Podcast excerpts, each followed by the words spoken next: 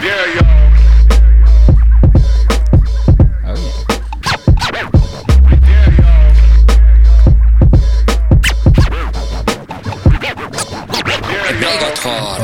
ja da! Wow.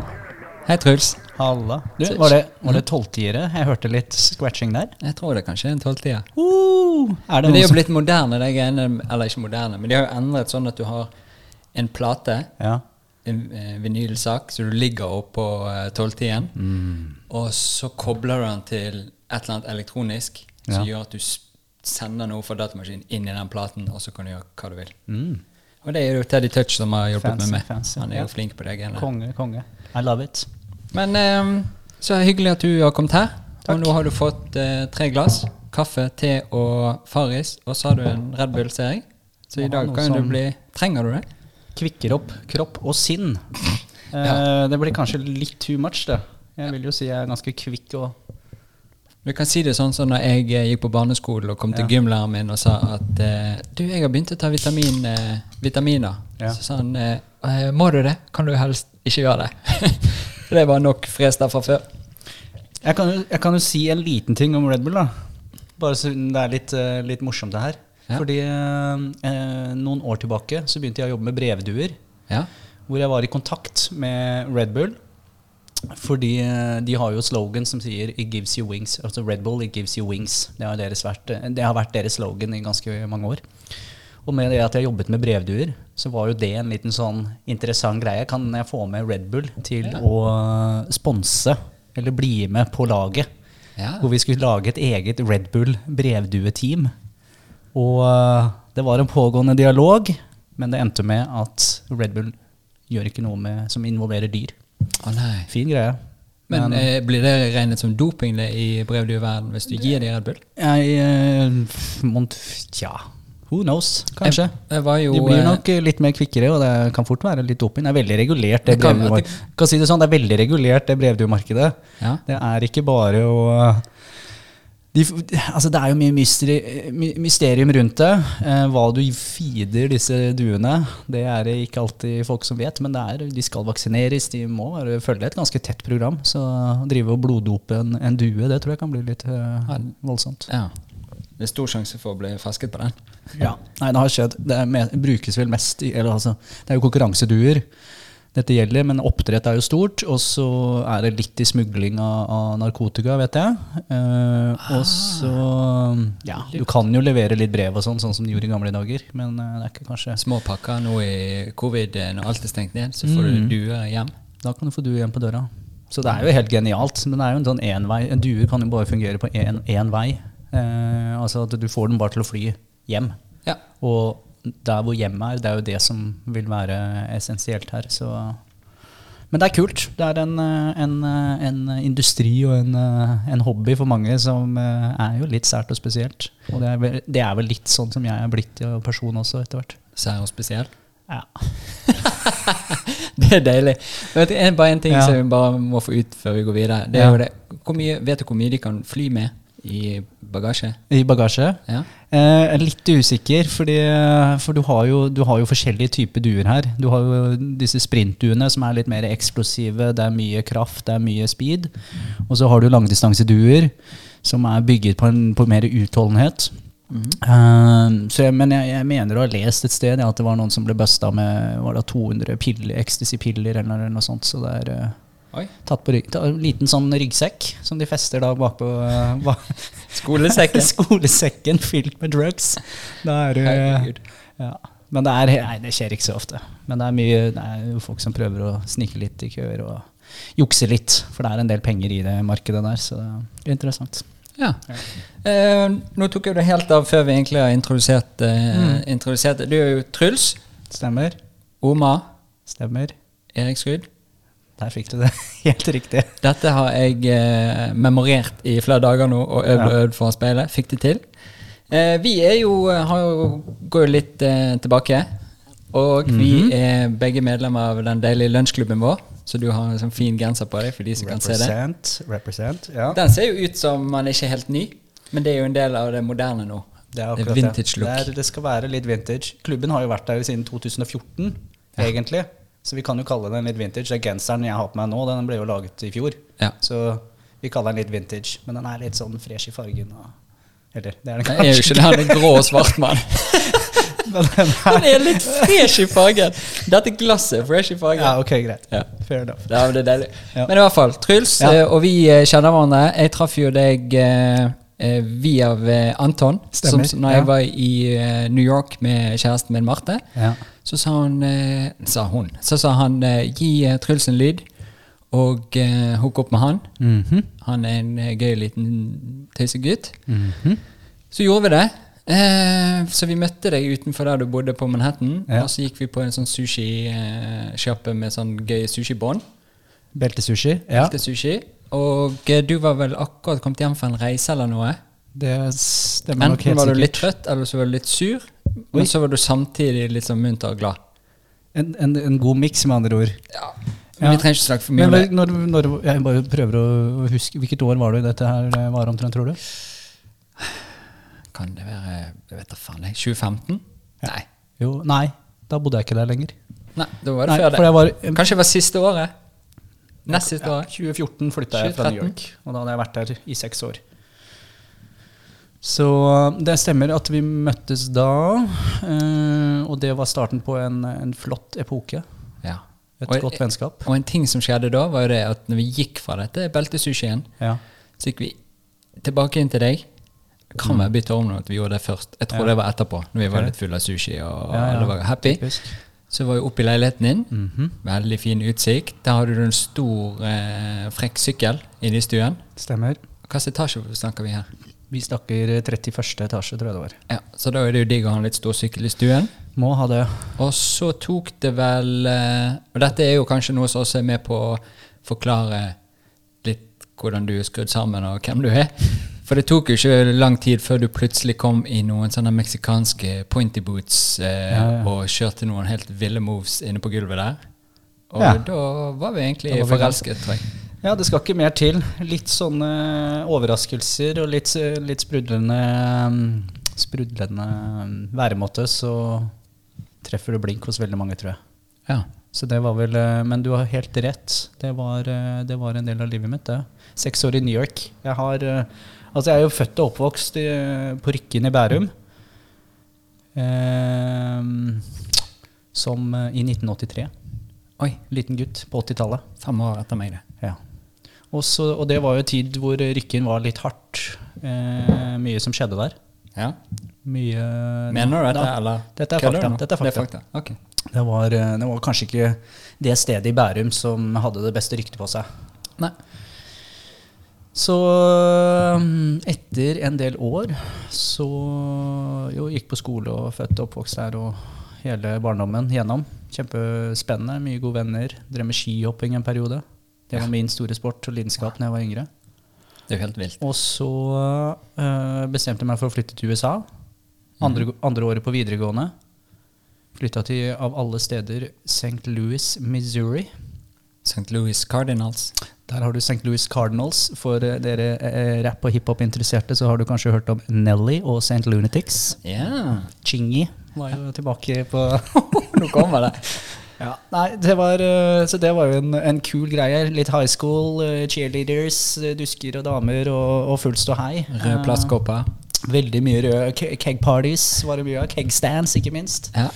Så det var, var en kul opplevelse å, å, å, å være til stede i og, få litt du hadde, Da kom jo liksom American Pie ut, og hele den der high school-viben var jo Du følte deg som du var helt, helt i den der Du var i filmsett.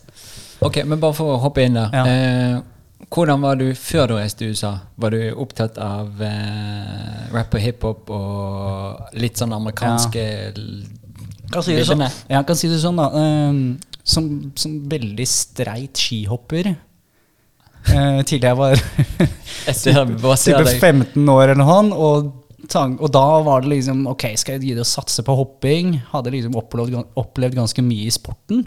Ja. Så, men da begynner liksom den der småinteressen. Du vet, du begynner å krible litt i ballene etter å gjøre noe annet. Skateboarding kom. Det var litt uh, introduksjon til alkohol, litt damer. Det var den derre ja, det, var, Det Det var den der alderen der vet du, hvor du blir litt, eh, litt får tankene litt over på andre ting. Og da var det et valg å måtte ta, og det å, det å slutte med skihopping ble litt mer aktuelt. Eh, og da flytta jeg til USA. Altså det som sto litt i, i, i huet på meg da, var jo gjerne ja, utforske. Jeg var veldig fascinert av USA, spesielt dette med, med, med skating og, og hele den kulturen der, for det var det som var oppt, opptok meg veldig. Så veldig vært fan av USA i mange år. Så da skulle jeg jo få oppleve den drømmen med å være og bo i USA i et år. Uh, dro til St. Louis, Missouri, som ikke, det var ikke den eneste skatepark. Det var ikke muligheter å skate der.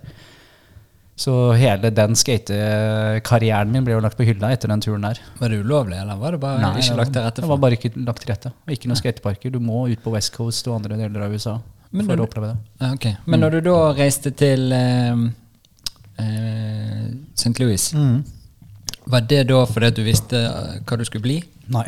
Nei, du bare reiste for nå får vi se Jeg hvor reiste, går? jeg reiste dit for egentlig å bare få ett år som utvekslingsstudent.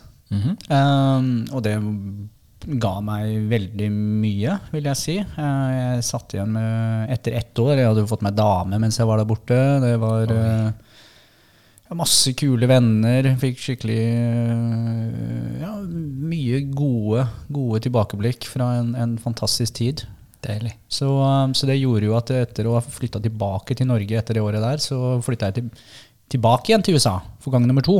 Ja. Og det er New York eh, Nei, og det var også St. Louis.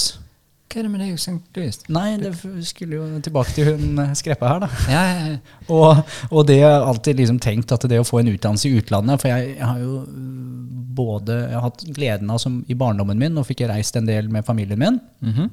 Eh, sånn typisk rundt om i Europa og den type.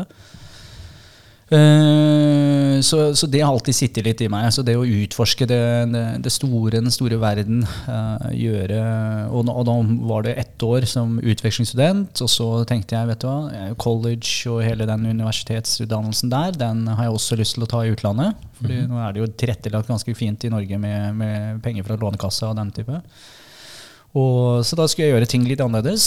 Og det endte med at jeg dro til, eh, tilbake til St. Louis da. Og begynte på, på universitetsutdannelse der, i finans. ja. Um, og ble der fram til 2006. Da var det jo litt mer college og hele eh, sånn Greek sorority for fraternity og hele sulamitten. Var du med i en sånn eh, gjeng? Nei, jeg, jeg, ikke, ikke på papiret, men jeg var ganske engasjert i, i enkelte av disse greske samfunnene. Sånn. Ja, det var det. Men da, da var det jo mye røde kopper og mer cake stands og, og den type fest og moro. Ja. Så i 2006 var jeg ferdig, og så jeg, begynte jeg å jobbe for DNB. ja. Som aksje... Da var det aksjemegler. Aksjekis, som du liker å referere det til. Eh, da, ja. Ja. Nei, så det var jo en, en ny hverdag fra å gå fra skolebenken direkte i arbeidslivet og sitte nede på Aker Brygge. Og, og det var jo sånn i 2006 fram til finanskrisen i 2008, så var det jo fortsatt ganske mye Det, det skjedde ganske mye. Markedet bare gikk oppover. Det var uh, champagnesprut på, på kontoret nesten. Ja. Det var eh, litt jeg kan, jeg kan si det sånn, det var litt sånne exit-tendenser. Ja. Det er vel det nærmeste jeg har kommet eh, exit i min finansbransje, var i de, helt starten på de årene der. ja. Eller starten på min finanskarriere. Jeg Så- tenkte nå kan vi gå dypere inn i det, men det er jo ikke sikkert vi skal det. Nei, altså det er jo ikke noe Nei, Jeg bør ikke nevne sånn enkeltepisoder, men det, det var nok litt mer eh, Ja, vi var vel litt, litt mer eh, ja, hva skal vi si, ja. Det var ikke så uvanlig å, å, å begynne litt eh, Fredagspilsen ta fredags, fredagspilsen litt tidligere enn normalt, da. Det kan jeg jo si. Ja, ja men det er jo redig og greit. Så- vi kan jo gjøre sånn for. Publikum elsker det. Ja, nei. Nei, så det var, øh, det var starten. Og i 2008 så hadde jeg nettopp vært Og da jeg merket allerede Da begynte jo i- Eller sånn årene fra 2006 til 2008, da begynte jeg litt sånn smått å få den enda litt mer den reisefølelsen. Og jeg hadde da var på veien hjem fra, fra Sør- Sør-Afrika. hadde vært nede og svømt med hvithai utenfor Cape Town oh, med en kompis. Ja. Hvor jeg får en telefon fra sjefen min i DNB og lurer på om eh, Truls, det er, eh, nå skal vi åpne kontor i New York. Vi trenger noen til å sitte eller være med og, og på oppstarten av det kontoret. Ja. Kunne du tenke deg å flytte til New York for en treårsperiode med en mulighet for å extende litt, litt lenger, hvis du vil? Og jeg skulle jo være litt hard, vet du. Jeg må tenke meg veldig om det. Og bare satt der og Jeg vet ikke hva jeg gjorde engang. Jeg jubla, det var vel champagne på første restaurant og var helt gæren. Selvfølgelig skal jeg til New York. Det er jo en drøm for veldig mange i finansbransjen. Så pakka jeg sammen Hvor lenge drev du før du svarte? én dag. to timer, kanskje. Jeg husker ikke. Det gikk ganske, det gikk ganske fort. Men eh, ja, jeg måtte jo ta Jeg var jo ung, jeg var 22 år gammel. Det, nei, vent, da, hvor gammel var jeg da? Litt eldre. 24. Som allikevel var jo en, eh, en ung alder Ja. for å begynne å jobbe og være med å starte et kontor i New York. Så ble det avreise. Landet fredag Jeg husker ikke helt datoen, en gang i august eh, i 28. 2008. Og så på søndagen så var starten på finanskrisen. Så jeg kom fredag. Søndag var, begynte alt å rakne. Så da Ja, det var en spennende tid. ja. Hvordan påvirket det situasjonen? Nei. Du hadde kontrakten din på tre år, så du, Ja, de var stuck med deg. Ja, de hadde ikke noe mulighet til å kvitte seg med meg. Nei, det, Banken hadde jo allerede tatt ganske ja, altså De hadde langsiktig view på dette her. Ja. Så de hadde jo tatt beslutninger som eh, Man visste jo ikke konsekvensen av finanskrisen og hvor lang tid dette og hvordan dette ville dra seg ut, eller noe som helst på det tidspunktet. Mm. Så det gjorde jo at eh, de var veldig committed til at her skal vi satse. Og vi har en, en, et langt langt perspektiv på dette her. Så det er klart det skapte jo litt utfordringer helt i starten, men på en annen måte så fikk vi også ansatt en del flotte mennesker, og etter hvert så gikk det jo mye mer på skinner. Så det var eh, Det var, ble til sammen seks år, det, og innimellom der dukka du opp. Ja. Og så stakk du tilbake igjen? Så kom jeg tilbake, for da hadde jeg jo flytta til USA tre, tre ganger. Ja. i løpet av en elleveårsperiode. Og så var jeg i Oslo noen år. Og så fant jeg ut du, vet du hva, nå skal jeg gjøre noe annet. Nå gidder jeg ikke mer Gidder jeg ikke å holde på med finans lenger. Eh, Aksjekis? Aksjekis, ja. Så da bare, vet du hva, nei, da tar jeg og sier takk for meg for denne gang. Og så lar jeg den døren stå på gløtt, og så ser jeg hva annet kult jeg kan finne på med livet mitt. For nå har jeg på en måte, Dette er det jeg har gjort, nå har jeg jobbet med finans. Jeg føler at jeg har oppnådd det som er å Eller det jeg har lyst til å oppleve med finans. Da. Det har jeg på en måte både bodd i New York, jeg har stått på balkongen på New York Stock Exchange, jeg har eh, ja. I baris? I baris, selvfølgelig. Det er eneste, eneste måten å ringe bjella. Eh, og ja, du kom tilbake Bare én ting jeg kom på når vi snakket Ja. om de duene. Mm. Sorry, men det er sånn hjernen min funker. Han hopper litt fram og tilbake. Det er viktig, da. Eh, de er raske. Hvor rask er de? Verdens raskeste due? Eh, verdens raskeste due som er målt, lurer jeg på om er på 141 km i timen. En skikkelig kamikaze-due. Oh. Eh, det er jo en sprintdue. Ja. Så den er uh, De og muskler. Ja, eller noe helt insane vingespenn. Og, og, og de er jo helt uh, Altså, jeg vet ikke hva altså, Det er jo så mye my mystikk rundt dette med duer. Hva, hva er det som skaper en god due? Og det er, du vil gjerne se altså når du skal, De ser jo helt like ut som de du finner ute på i byen her i Oslo. Eller i Dra, Drammensduene, som det, de er kjent for. Eh, De ser jo helt Sjabba heter det i Bergen. Ah, ja, ok, ja, det er litt sånn bydue. Sjabbene. Ja, eh. Jeg tror det er mange som sier at uh, Rats of the Sky, men uh, i min verden med brevduer så er det the, ath the Athletes of the Sky. Ah. Og de vil, det du vil se, da, som, eh, som er litt interessant, er altså de er jo mer slimmere i fasongen gjerne enn brevduer. De er jo veltrente. De er blitt eh, matet og kost med på en helt annen måte enn en sånn bydue du finner her ute i, gata. Ja. Så, um, så det kan jeg bare gi litt tips til de som hører på. Hvis du, hvis du er ute og går i gata og ser en due, så det, kan du se etter om den har en liten Hvis du ser en due som oppfører seg kanskje litt spesielt, han føler seg litt uh, ikke en del av flokken fordi han har tatt Og litt bom- utenfor. litt utenfor, og så har han en liten sånn plastikkring rundt ankelen. Det betyr mest sannsynlig Eller det betyr at det er en brevdue. Det du skal gjøre da, er å ta den opp, kose litt med den. Altså, bare, nei, nei, nei, nei, nei, nei. Nei, okay. Kose med den, gi den litt kjærlighet. Og så oppsøker du Norges brevdueforbund, og der kan du melde inn at du har funnet en brevdue. Så er det kanskje en liten award, da. En liten pengepremie. Du får litt Ah. penger for det. Det er koselig, da.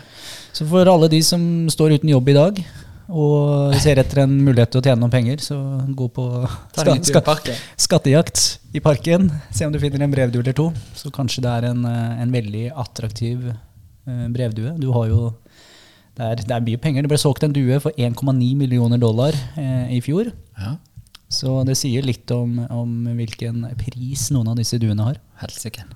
Så, og du vet jo ikke om du kanskje har ødelagt et løp her nå med å ta opp denne duen. Som, er- den duen var egentlig bare nede for å hvile litt og få seg litt mat og drikke. Ja, Men den er egentlig etappen. siste etappen inn innspurten. Ja. Og der står du og tar tak i den og holder den fast. Og så flyr disse andre duene forbi og vinner løpet. Oh my god. Og så ringer du inn. Du, jeg har funnet en Ja. eh, due, og så blir du egentlig bare sur. Du må betale. Du må betale. Du har ødelagt. Det var så mye penger i det løpet her at uh, hjelp. Men når de er så raske, Ja. eh, da har jeg et spørsmål til deg. Uh, du får ikke tenke så veldig lenge. Men hva er det raskeste pattedyret i Norge? Raskeste pattedyr i Norge? Ja. Nei Dette tok jo litt tid. Jeg vet ikke. Nei, jeg, er det noe Jeg innledet jo spørsmålet, men du får ikke tenke så lenge. Nei, men jeg vet ikke. Si noe. Et dyr. Ja, jeg, altså, Gaupe eller noe. Jeg bare tenker litt sånn i den verden der. En Ja. litt frisk en. Ja. Det er haren. Er det haren, ja? 70 km i timen. Uh, Ja. Smak litt på den. takk. Nei, men det er jo deilig. Da vet vi det om de duene, at de er ganske raske. Eh, Ja. Men du kom tilbake inn til Norge, fant Ja. ut du skulle gjøre litt andre ting. Har du en litt sånn kjapp For det er jo mange ting du har gjort. Ja. Kan du bare ta en liten sånn her eh, liste med hva begynte du å rote med når du okay. kom her til? Det var jo noe golf, det var Ja da, jeg, eh, jeg startet rolig med å Det var faktisk en litt, litt sprø opplevelse. Så jeg var fortsatt altså, avsluttet forholdet i DNB. Overleverte kunder og, og sørget for at alt ble, ble gjort på en ryddig måte. Avsluttet på en ryddig måte. I den perioden der så ble jeg invitert med til Kina av, eh, av Christian Ringvold og, og kona Tutta. Susanne Pettersen. Fordi øh, jeg skulle da jobbe Eller jeg ble spurt om jeg kunne jobbe litt innenfor kvinnegolfen. Som, som manager. Eller øh, ja, en agent-manager-rolle. Og for å få litt smaken på golf, jeg har jo nesten ikke tatt i en golfkveld engang, så, øh, så ble jeg invitert til Kina. Skulle representere en svensk golfer, det var i hvert fall sånn på papiret, som jeg aldri hadde møtt før. Uh, Anna Nordquist heter hun. Ja. En av verdens beste golfere selv i dag. Holdt på, veldig flink. Um, så drar vi til Kina, og dette er jo noe som heter sånn World Celebrity Pro-Am. Som betyr at det er proffe golfere med kjendiser For hele verden. fra hele verden. Eh, vi, jeg dukker opp der, og jeg blir jo tatt imot, for jeg får jo egen butler på hotellet, plukket opp på flyplass. Altså alt var, det var jo så veldig rigget da, for oss lille kjernen av kjendiser og agenter og sånn da, som skulle være der en uke. Ja. Jeg visste jo ikke hva jeg drev med, eh, men det var jo litt eh, moro. Fikk eh, credentials og fikk gå akkurat hvor jeg ville og prate med akkurat hvem jeg ville og eh, nyte det jeg ønsket. Ja. Egen golfbil og kjørte rundt og var helt tullete. Uh, og så var, det denne, så var det en sånn veldedighetsfotballturnering, for vi hadde invitert med en del gamle Liverpool og, og Manchester United-legender til å, å, å komme og spille sammen med team fra Kina. Eh, så det var en liten sånn fotballturnering der, og så var det selve golfturneringen da, som var det, det store. Og da var det jo alt Da var vi jo en del, del kjendiser oppi det hele. Det var jo da Tutta og Anna som spilte litt golf med, for kvinner. John Daly var der, som vi hadde mye moro med. Um, og så var det jo Michael Douglas, skuespilleren. eh, Alan Iverson, basketballspilleren. Uh, Yao Ming, også basketballspiller. Han er jo god og høy. Han, Eh, hvem flere var da? Ja, altså, vi var en liten, liten klikk. Og det var min introduksjon til golf, å løpe rundt på golfbanen der ja. med disse.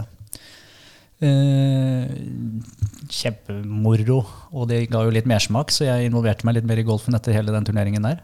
Eh, så det gjorde at jeg etter hvert året etter begynte å, å følge litt. Signa et par spillere. Jeg og Christian eh, vi starta et lite sports management-team ja. med litt flere golfere. Jeg har jobbet etter hvert litt med noen noen no fjellklatrere og et par andre folk. Så det var, opptok mye av tiden min i, i årene etter, eh, etter eh, eh, finansverden. Ja. Så begynte jeg å jobbe litt eh, mer aktivt med brevduer. Jeg flytta til Japan etter hvert. Uh, ja, altså det er jo litt sprøtt, fordi jeg hadde bestemt meg for å flytte til Japan. Og så får jeg en forespørsel fra noen, noen brevduebrødre nede i Århus i Danmark, som sitter på en liten flokk med duer. Ja, brevduer!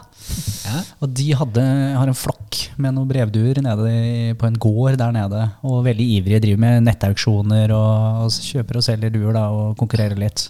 Så, så de guttene hadde jo fått øye opp eh, etter at jeg møtte dem mange år siden. Fått øynene opp for at jeg skulle til Japan, og bare Truls, kunne du tenke deg å representere duene våre i Japan? Og skape noen businessmuligheter der? Ja, ja, ja, why not? Eh, jeg visste jo ikke helt hva jeg verken drev med, eller kunne jo ikke så mye om brevdu på det tidspunktet der, men uh, Leste du deg opp, eller fikk du en liten sånn bruksanvisning av de gutta? det er eh, Nei, det er selv, selvlært, alt sammen. Du okay. må lese deg opp. Ja. Og så er det jo store turneringer og litt sånne ting, så du, du må jo følge med litt, da. Men jeg har jo ikke peiling på hva jeg driver med, egentlig. Nei.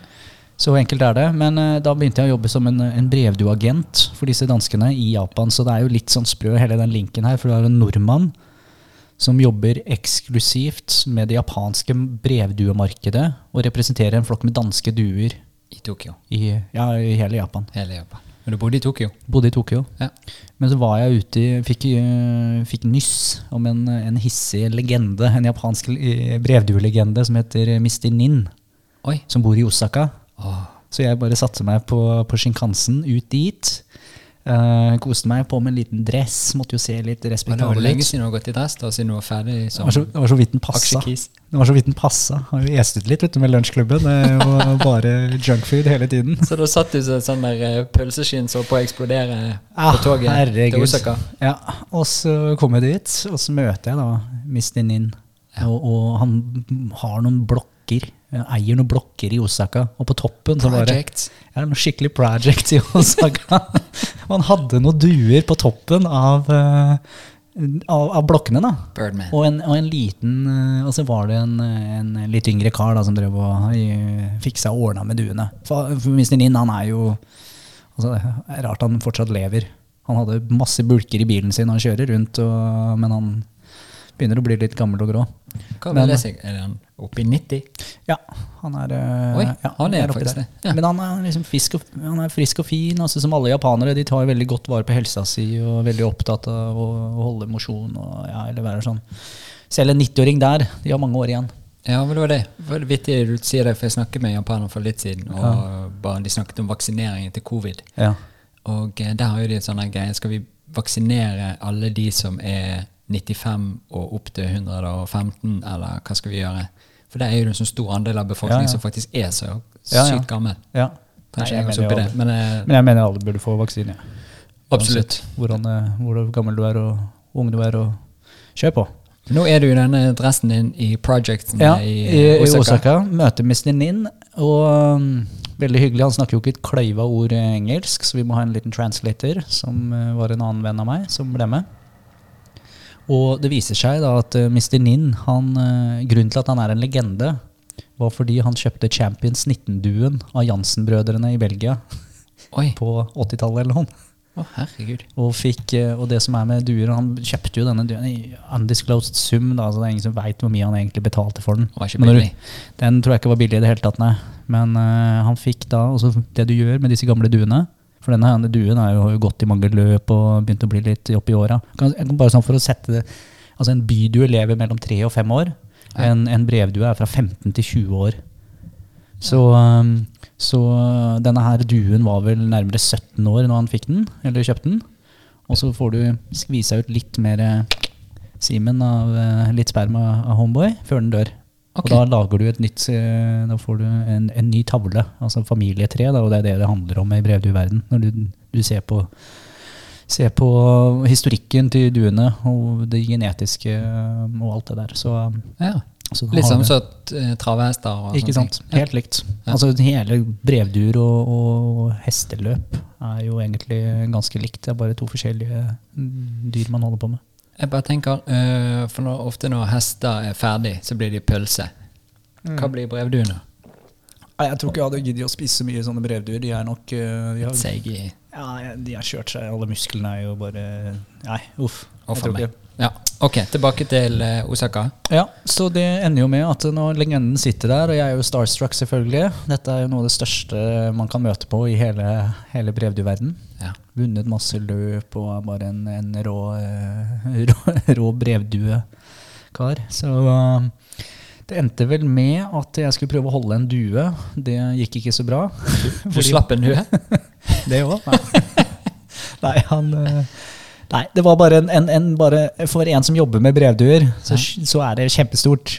Ja. Det som skjedde der i Osaka. Det har ikke blitt noe business ut av det ennå.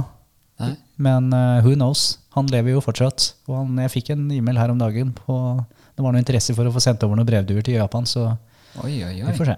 Ja. Ja, det var jo, så da gikk du fra golf til brevduer? Golf til Bodde- brevduer. Hvor lenge var du i Japan, Japan? var jo syv måneder. Ja. Hadde planer om å være der mellom seks og tolv måneder. Ble syv måneder. Det var jo en helt fantastisk Ja, det var jo helt rått. Det er jo noe av det beste stedet på jord.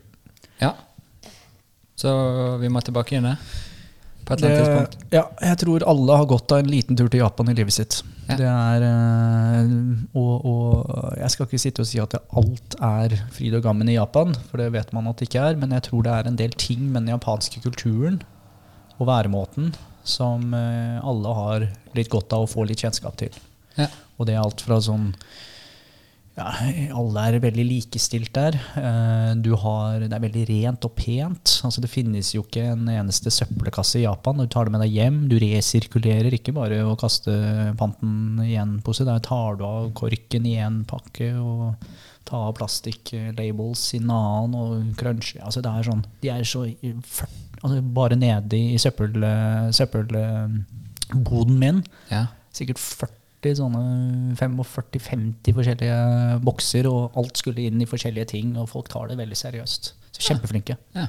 Og så er det det der med kvalitet på ting. Du vet at det det er Du får ikke noe dritt. Du får De alt putter er- æren i det. Ja, de putter veldig mye ære i det. Ja. Så jeg tror vi har godt av å lære litt. Det er så fascinerende å se en liten Altså Ungene de er jo ikke gamle, gamle kidsa med skoleuniform, og der tar de eh, bussen til, til skolen og bare pling, Ja. går på. Alt er bare Nei, det er så nydelig.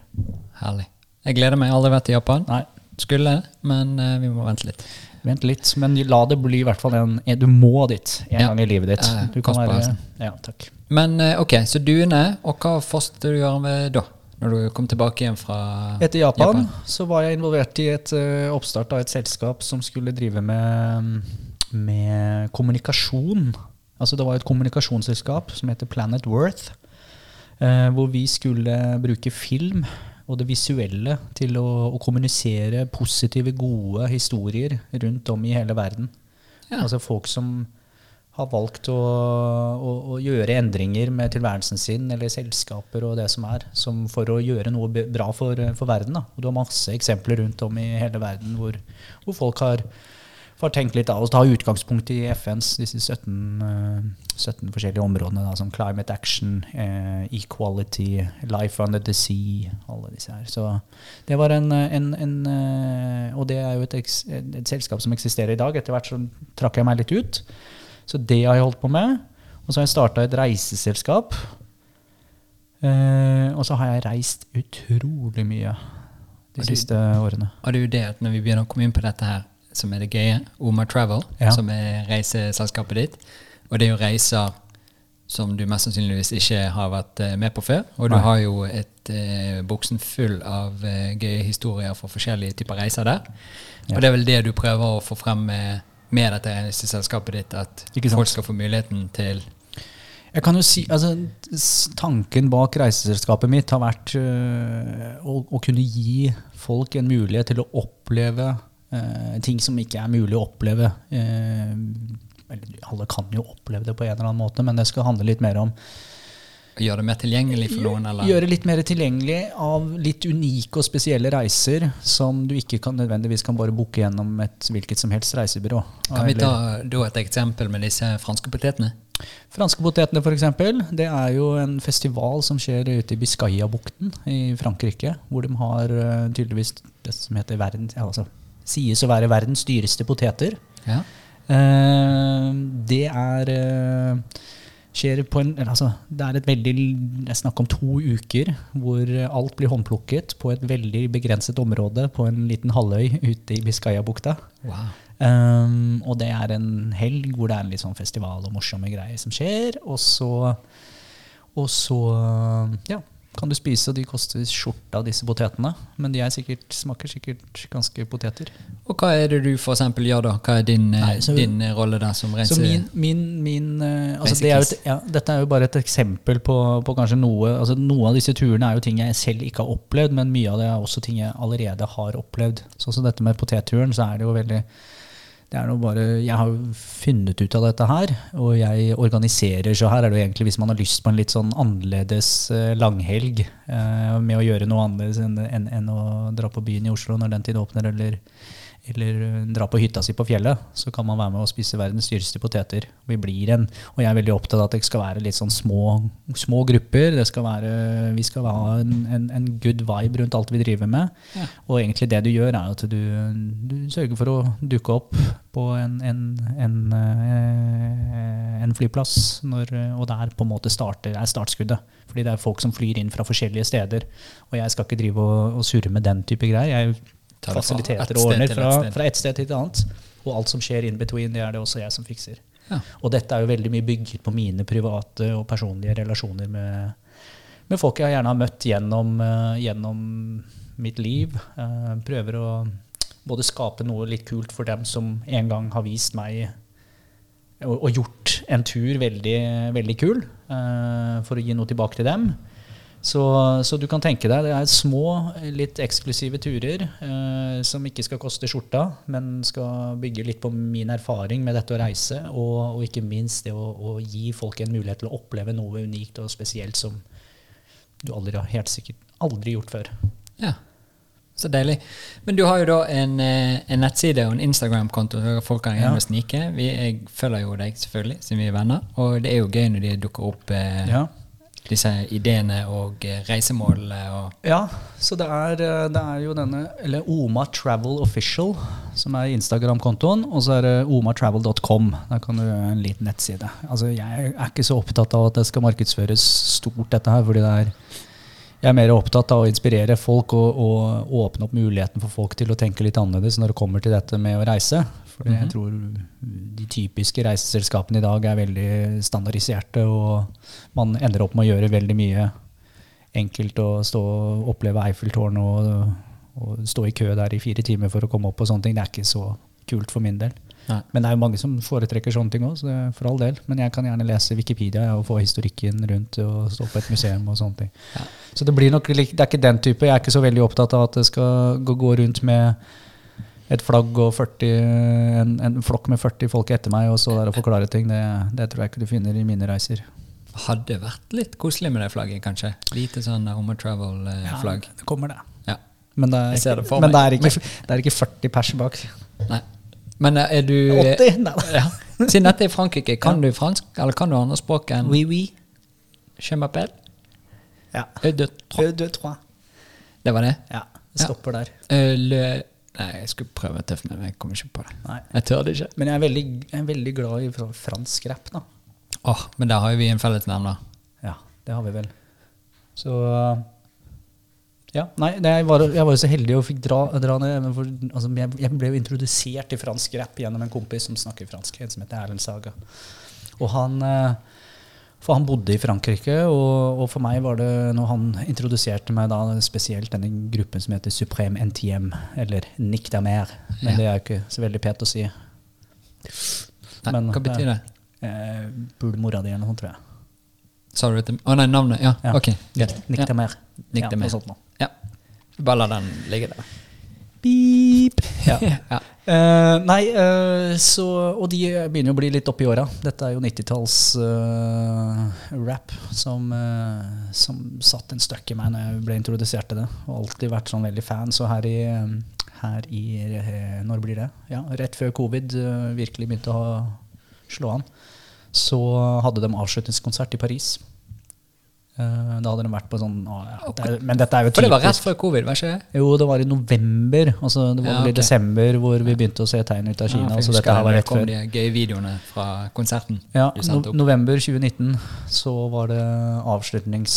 Da var det selve avslutningen av en lengre turné. Ja. Hvor, eh, men, men med alle rappere, de, selv om de blir godt opp i 50-åra og sånne ting, så tar det jo ikke mange år før de gjør et lite comeback. Det er jo Så- vittig når hesten er tilbake i manesjen. Hva Ja. som foregår da. Ja, det blir vel kanskje noe spektakel eh, reunion. eh, er det noe Det kan godt være. Vi har jo prøvd det et par ganger, og eh, ting har jo ikke endret seg så veldig mye. Nei. Vi har blitt eldre, og ja, vi, Men- eh, vi får se. Ja. Vi har jo vært eh, i Marbella og litt forskjellig, Oh, med, på eh, litt artige private samlinger. Ja, ja, ja. Nei, det er vittig det. Ja. Men jeg tror ikke det blir en ny karriere. Nei. Fortsettelse. Hva liker du best, da? Carpe Diem eller Spetakkel? ok, dette var en uh, intern joke. Du slipper å svare. Ja. Du finner Fins du noen andre steder enn på Instagram og på nettsiden? Uh, meg privat så finner du jo Synne rundt i byen. Finner du på Tinder? Uh, nei, ikke så mye på Tinder om dagen. Mm. Så nå er det Oi, du er Ja, på gang? Nei, altså, det er, altså Jeg skal ikke si at Tinder, Tinder er en fin, fin app. Det er for de som Liker å sveipe? Ja, jeg, altså For meg er det blitt mer et sånn tidsdriv. Jeg skal ikke si at jeg ikke er altså, Jeg er jo singel i dag, men, men det er eh, jeg, jeg har bare Jeg tror det har litt med den personligheten min at jeg, eh, jeg, føler ikke at jeg har et behov for å gjemme bak en, en profil på en app for å treffe folk. Eh, og, finne kjærligheten for den saks skyld. Uh, det er, jeg føler ikke at det er Og så føler jeg at da ender jeg opp med å bruke veldig mye tid på Tinder. Med å swipe høyre, venstre, høyre, venstre, og så skal du få en match, og så skal du begynne en sånn vanskelig eh, dialog med noen fordi du kjenner dem ikke. Du har kun bilder å basere en, en samtale på, og så skal du prøve å skille deg litt ut fra alle andre gutta. Og så er det sånn Nei, vet du hva. La oss gjøre det heller face to face. Nå er det litt spesielle tider med covid. Ja. Men ellers så hadde Maske ikke det til vært- maske? men, eh, men nå hadde, altså, i en normal situasjon så ser jeg ikke noe Men jeg tror veldig mange har godt av en, en app som heter Tinder eller Grinder eller uh, Happen eller eh, Bumble eller noe sånt. Ja. Alle disse datingappene er veldig fint for veldig mange, for jeg tror, for tror de trenger en liten, uh, liten hjelp til å komme seg litt videre i, i det datinglivet sitt. Få tatt første steget. Første steget. Men litt ja. dette, for du, du legger jo vekt på, på dette med direkte kontakt med mennesker, Ja. eh, fremfor litt forskjellige andre ting. Er det litt av eh, greien din også med, med alle disse opplevelsesreisene du har hatt, og, og disse tingene? Dette med å kunne møte andre kulturer og treffe folk, og la Ja. folk treffe folk, og folk skjønner at verden er sammensatt av deilige typer? Jeg tror altså, Det er jo klart Nå har jo jeg Puttet jo jeg ord inn i Ja, munnen. Det er ikke Men det, det, det det, jeg kan si, da, er at øh, jeg, det å reise, jeg reiser veldig mye alene. Og det har gjort til at det er både oppsider og nedsider med det. Men spesielt dette mm, Når man først reiser alene, så blir man jo litt øh, da, da må man ut og utforske litt. Man må ta kontakt med folk. Og man, over tid så bygger man opp en veldig confident i, i det man driver med. Og spesielt når man da møter, og så fører de Å jo, de var i, i Senegal i fjor. Ja, så kult, der var jeg også. Og så finner man alltid en liten rød tråd som man kan prate om. Eh, så jeg tror det, det å reise og oppleve og, og sette altså man, er Noen ganger så er det litt flaut, og man vet jo ikke alltid hva man skal snakke om, men man bare bygger selvtillit over tid. Og det tror jeg er veldig Flytter godt å ha med seg. Ja, komforten blir flyttet, og du, du bygger opp den selv, selv, eh, self-esteemen som, som, du, som er godt da i hverdagen også, når du har andre ting. Om det er at du begynner å jobbe i en restaurant, eller du skal begynne å ha mye interaction med mennesker, så er du allerede da ja, Da har du liksom litt, litt mer trygghet i det du holder på med. Og det tror jeg er veldig godt for veldig mange. Du, eh, for, sånn som jeg kjenner deg, så er jo du en veldig sosial type. Ja. Er du alltid det, eller trenger du mye litt sånn tid for deg sjøl og lulle deg oppi en Kombinasjon, men jeg vil jo si at eh, jeg jeg kan ikke sitte for lenge på sofaen. Nei. Det, det orker jeg ikke. Da må jeg ut og gjøre et eller annet annet. Jeg tror sånn. Spesielt nå, da, når man er i en sånn situasjon hvor livet blir satt litt på prøve. Man får begrensninger med coviden og det å kunne være rundt og sosialisere seg og møte mennesker og alt sånt, så er det jo Det går jo litt Det påvirker jo folk på forskjellige måter. Noen tar det veldig tungt, andre lar dette være ganske normalt. Eh, Jeg prøver å se veldig positivt på, på covid. Jeg er veldig takknemlig for at jeg i det hele tatt fikk lov til å oppleve en pandemi. Forhåpentligvis så, så overlever jeg dette her. Eh, og, så, og så tenker jeg sånn hva kan jeg gjøre med, med livet mitt i en periode som nå, hvor eh, ja, for å hele tiden prøve å også holde det positive humøret oppe. Og da tenker Jeg sånn, jeg har snakket med mange venner som, som føler seg litt down. Altså, du, du har utfordringer, men la deg eh, bli inspirert av det positive i livet. Ta deg en tur, lær deg noen nye ting. Eh, slett, slett ting på sosiale medier som er mer egentlig litt sånn negative. Hvor følger du enkelte folk? Jo, fordi du føler at du må gjøre det. Nei, du må ikke gjøre det. Altså, finn, ta litt grep i livet sitt. Og, og snakk, ta en telefon til folk du, som gir deg en, en positiv, god vibe. Um, gjør sånne ting. ja.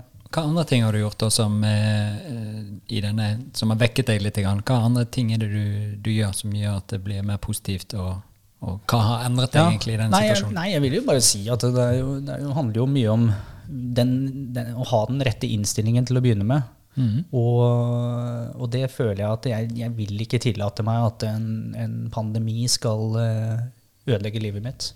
Eller, den, den, klart den byr på utfordringer. Jeg får ikke reist så mye som jeg ønsket tidligere. Men da må jeg bare tenke litt annerledes. Hva kan jeg gjøre allikevel for å, for å få en tilfredsstille det behovet? Da? Jo, men da betyr det at jeg kanskje må reise litt mer i Norge. Eh, kanskje jeg kan være med og folk som altså, Jeg snakket med en kompis i går som var, hadde litt utfordringer med, med både jobb og privat. Og, og jeg prøver jo å snakke han og være kanskje en liten sånn coach på noen måte. da, Eller prøve å, å sette litt mer fokus på, på det positive, og smile, ikke minst. Ja. Uh, og som jeg sier til han, bare ring meg når som helst. Hvilken tid på døgnet, It doesn't matter. Jeg skal snakke, jeg, og jeg skal prøve å skape noe, noe kult nå. Så, så det er nok litt refleksjon på hvem jeg er som person også. For jeg er veldig glad i mennesker. Mm. Jeg er veldig opptatt av at folk rundt meg skal ha det veldig godt. Og hvis jeg kan være med på å bidra til den, den gode viben der, så er det, da har jeg oppnådd veldig mye i livet mitt. Og det, det er jo igjen stimulerende for meg. Det er det som også gjør at hver dag når jeg våkner opp syv om morgenen og tar meg en joggetur og bare nyter livet og det fine været og det dårlige været for den saks skyld. Men bare den eksistens med å, å, å føle at man lever litt, og at man kan bidra og heller være en, en, en, en positiv og kul person. ja, Det er vel meg. deilig. Men du er jo, du, som du sier, du liker å jogge litt òg. Ja. Du har jo også løpt noen maraton, og vi skal jo ikke komme inn på det, for det, det må vi ta en Har du lyst til å komme tilbake igjen? Jeg kommer alltid tilbake. Ja, Så da kan vi snakke litt mer om det. Men du har jo løpt maratoner i hele overalt. Ja, det Så du liker jo løping, tydeligvis? Eller Ja. liker du bare Nei, jeg, eller jeg kan si det sånn. Nei, men det er eh, Jeg tror det er Altså, The Marathon eh, ja, The Marathon Runner. Runner. Ja. Det jo, var jo egentlig en Altså, jeg løp jo ett maraton først. Um, Oslo Maraton i 2012, og det skulle være en litt sånn bucketlist. Jeg har laget meg en bucketlist som jeg er veldig stolt av, og driver og oppdaterer ti, fra tid til annen. Ja. Og jeg tror det er veldig godt for folk å ha litt sånne drømmer, litt hårete mål, og det har jeg gjort med bucketlisten min. Et av dem var å løpe et maraton. Eh, gjorde det, og ble jo litt sånn Dette var jo litt kult. Og kombinert med Men selve løpebiten syns jeg er ganske kjedelig. Ja, Den det har er aldri vært. Det er jo bare du får høy puls, og du blir eh, andpusten og svett. Og det er en god følelse etterpå, men selve løpebiten er jo ganske øh. Men er det litt den her mentale biten at du har klart å gjøre noe som egentlig virker helt sånn der, tror- Skal vi gidde dette? Ja, eller jeg tror det er, det er den Når du begynner å løpe de distansene der, da, som et helmaraton så, og, og et halvmaraton for den saks skyld, altså så fort du er eh, så, så begynner det å bevege seg over mye mentalt. Altså Det fysiske er én ting, men det mentale er der man Som man ofte får gjerne kanskje en knekk, eller, eh, eller man, må, man må begynne å tenke litt annerledes. Og, og det er jo det som har vært det som gjorde øh, Jeg har jo bare én gang i blant 15 helmaraton som jeg har løpt nå, klart å fullføre uten å, å måtte gå litt. Men jeg har alltid bestemt meg, jeg skal komme i mål. Uansett om det tar meg tre timer, fire timer, fem timer, jeg skal alltid i mål. Ja. Og, den, og det går jo veldig mye på det mentale. ja bare få det gjort, uansett Ja. om du Så jeg har alltid vært øh, Jeg stiller ikke i et løp og får startnummer på brystet uten å fullføre. Nei. Jeg skal alltid fullføre, uansett. Det er derfor jeg kom dit. Deilig. Og, og, og jeg må bare si da, når, det, når jeg begynte å interessere meg litt for maraton, så var jeg jo allerede veldig interessert til å løpe. Ja. Nei, eh, å reise, mener jeg. Og da ble det slik at eh, hvor, hvorfor ikke kunne kombinere de to? Løpereiser. Og ikke bare skal jeg ut og løpe og reise, men jeg skal reise til litt utradisjonelle steder. For da, da får jeg den der tilfredsstillelsen med å reise og oppleve en ny kultur, et nytt, eh, ja, et nytt land, nye, Treffe nye mennesker, ikke minst. Så det gjorde jeg, da har, du en, da har du en dato å forholde deg til, for du vet når løpet skjer. Du har en destination som mest sannsynlig er da noe litt annerledes enn det du kanskje ville valgt hvis du fikk en mulighet. Ja. Og så har du en grunn til å holde deg litt aktiv og trene inn, for det er ganske kjedelig og tungt å løpe et, eh, et helmaraton hvis du ikke har løpt noe særlig i forkant. Jeg har gjort det òg, men det er ikke å anbefale. Nei. Når du løp det første maratonet ditt i Oslo, Ja. var det samme runden to ganger? Eller, Ja, ja. ja, det var samme runden to ganger. sånn den jeg løp Det var på. det var- gamle Oslo-maraton. Uff. Uff, den var kjedelig, altså. Men det er, blitt, eh, nei, det er jo kult å se at det er mange som stiller og Det blir kjedelig å løpe samme runden, for da vet du bare Men det er, eh, det er enkelt, fordi da har du et, kan du tilby oss en halvmaraton. Ja, ja. Og så bare gjør vi den samme lappen en gang til, og så får du et helmaraton. Og så er det, da har du plutselig to distanser istedenfor bare én distanse hvis man skulle hatt ett langt. Jeg har jo også et eh, inntrykk av deg, eh, eller igjen, sånn som jeg har, Ja. kjenner deg. eh, Og det er ikke sikkert det stemmer, men det virker jo som også du har lyst å gjøre spesielle ting for å eh, knytte minne til noe, eller ha knagger, eller gjøre noen ting som er, er merka gjennom eh, året ditt. Eh, det virker også som du har lyst til å gjøre en, en litt sånn gøy ting hver dag som gjør at eh, at du husker dagen, Ja. Eksempel. At Ja. ikke alle dager bare sklir opp i seg sjøl. Kan det Ja, stemme, det? det er du helt rett i. Og det var nok eh, Det er jo ting som har opptatt meg, og jeg håper altså alle kan tenke litt i de baner. fordi vi, vi faller veldig lett i en sånn rutinebasert hverdag hvor eh, det meste handler om å stå opp, levere barna på, i barnehagen, eh, dra på jobb, ferdig med det, trene, hjem, legge ungene, og over and over again. Og hver dag blir veldig like. Så det jeg vil oppfordre folk til å gjøre, som jeg gjør selv også, er å Og det skal ikke være store ting, men å gjøre en, litt, noe litt annerledes hver eneste dag. Ja. Og det kan være alt fra istedenfor å drikke en vanlig svart kopp kaffe, så lager du deg en kaffe latte en dag, eller så tar du Fylle den opp med rørosefløte ikke som du fikk her. Ja, ja, ja. Eller du tar en litt annen vei inn til jobben. da, Kanskje du sykler istedenfor å gå. Altså, det handler om å skape de små øyeblikkene, for det er de du kommer til å huske, og det er det som gjør livet kult å leve. Når man kan se tilbake på den siste uken, siste måneden, siste året, og egentlig bare Vet du hva, dette her var kult. Nå har jeg gjort så mye rare ting. Eller ting som har, har brytt litt med den rutinen som jeg alltid har gjort. Og det vil jeg si, går en annen vei inn til jobb, så bare Oi, jeg visste ikke at det var en ny restauranten her. Den hadde jeg ikke sett før. Da må vi dra og spise en dag. Ok, ja, men da har du liksom allerede skapt noe nytt og kult den dagen der. Ja. ja, for det er jo veldig lett å gå til dette vet jo vi alt om med Ja, ja. lunsjklubben. Vi har jo Ja, ja. noen favoritter, men det er jo lett å gå til den samme restauranten hele tiden. Ja. Samme matbutikken, samme veien. Men eh, det jo bare å åpne horisonten sin litt Ja. og få tittet litt på andre ting. Men jeg oppfordrer i hvert fall vir virkelig til å, å, å ta litt sånne enkle grep med livet sitt. Bare ta på noen kule sokker en dag som gjør at du er litt mer fargerik. Eller nå er ikke de så veldig Det er hull i sokken til og med, tror jeg. Oi, Ja. oi, oi, oi, det står ikke så bra til, eller? Men eh, skal vi se Jo, jeg tok en i dag for min del. Nå er jo ikke fortsatt dagen er jo ikke mer enn klokka tolv snart. Men jeg løp en ny runde i dag. Oi, Så da fikk jeg lov til å se litt annet av Oslo enn hva jeg hadde sett tidligere. Så det var deilig. nydelig. Så da har jeg egentlig allerede fullført én ting. Har du noen andre sånne rutiner du gjør hver dag for at du skal ha det fint, eller som påvirker deg, eller som du mener er viktig for deg? Uh, utenom det vi nå prata om. Ja. Eh, Folk mye at Noen Ja. sitter og nyter en sigg og ser ut vinduet i Ja. eh, 20 minutter. Nei, altså noen tar en kald dusj og kan si det sånn, Jeg er jo veldig, veldig glad i musikk, så jeg har musikk på veldig ofte. Mens jeg sitter og jobber eller gjør andre ting, så er jeg, må jeg ha noe musikk på. Ja. Og det kan variere veldig mye, så jeg prøver å tillate meg å høre på litt nye ting. Jeg har begynt å samle litt vinylplater og være helt åpen for helt, noe helt nytt nå. Ja.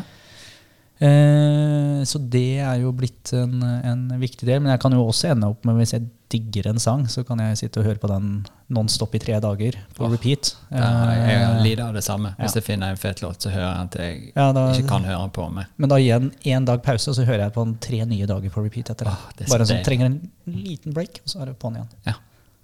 Og så må jeg dele den med alle andre, ja. og så begynner de å høre. Og så uh, Så er den i gang. Ja, så legger jeg over den lydfilen på en, på en USB-stikk, og så gir jeg den til julegave til foreldre, familien min. Så begynner de å høre på den. Ja. Og så bare sprer det seg. Så sprer det seg. Så hekler vi teksten på en eh, Den, den sprer seg verre enn en pandemi. Ja. Fysj og fy. Oi, oi, oi.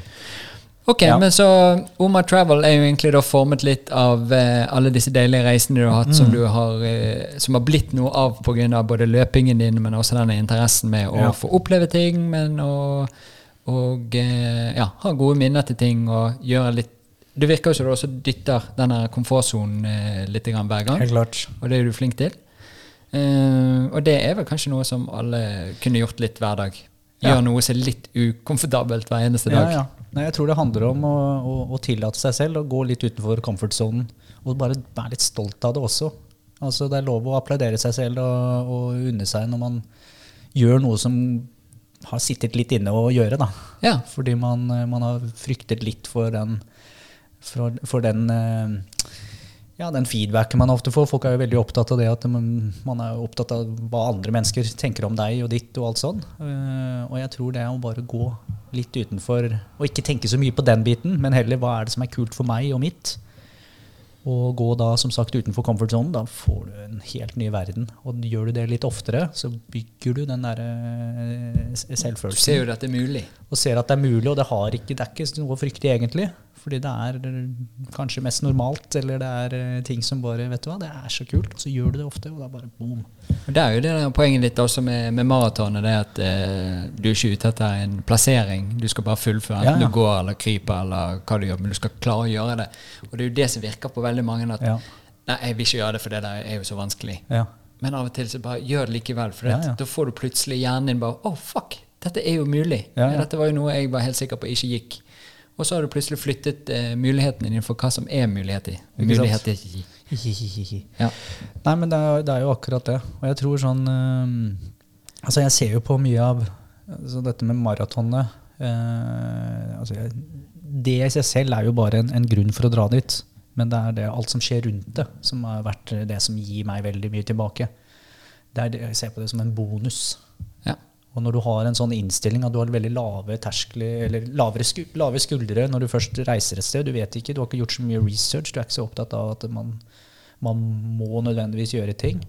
Og så sitter du der på en bar, og så møter du en, en person som Oi, eh, der havna du hjem og sitter og spiser middag og møter familien der. Yes. Og, så, og det er jo den type opplevelser som, som jeg tror Det er jo de man husker.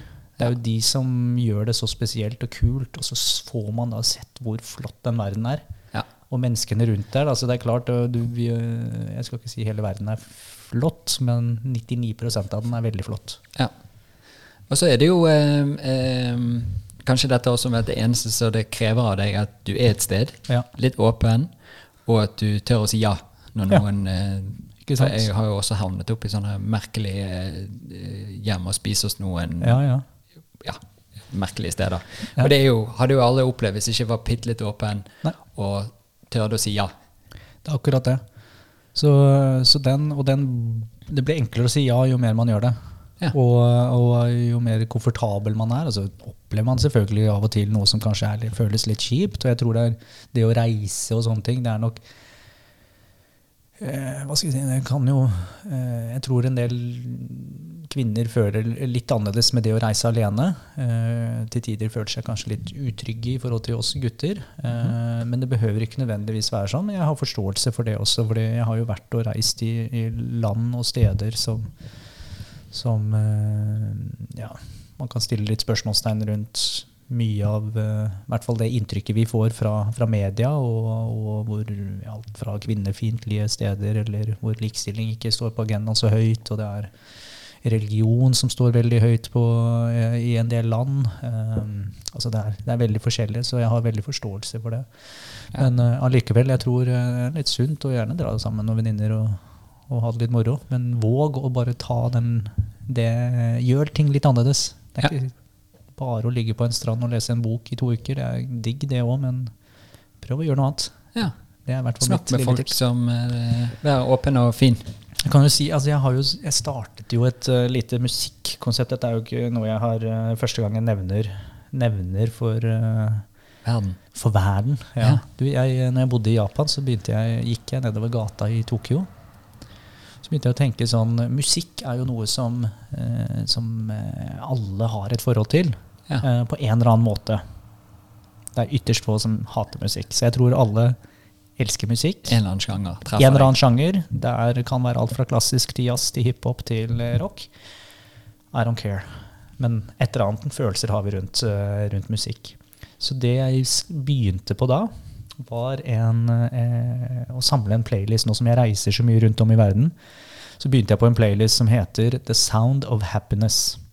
Så hver gang jeg møter noen, det kan være taxisjåføren min i Tel Aviv, til han jeg satt på, øh, ved siden av baren i Etiopia, til you name it, så stiller jeg et sånt enkelt spørsmål eh, når vi kommer i dialog. Da, en litt sånn icebreaker gjerne også. Men når vi kommer i dialog, så er det sånn ja, can, you name a song that makes you happy?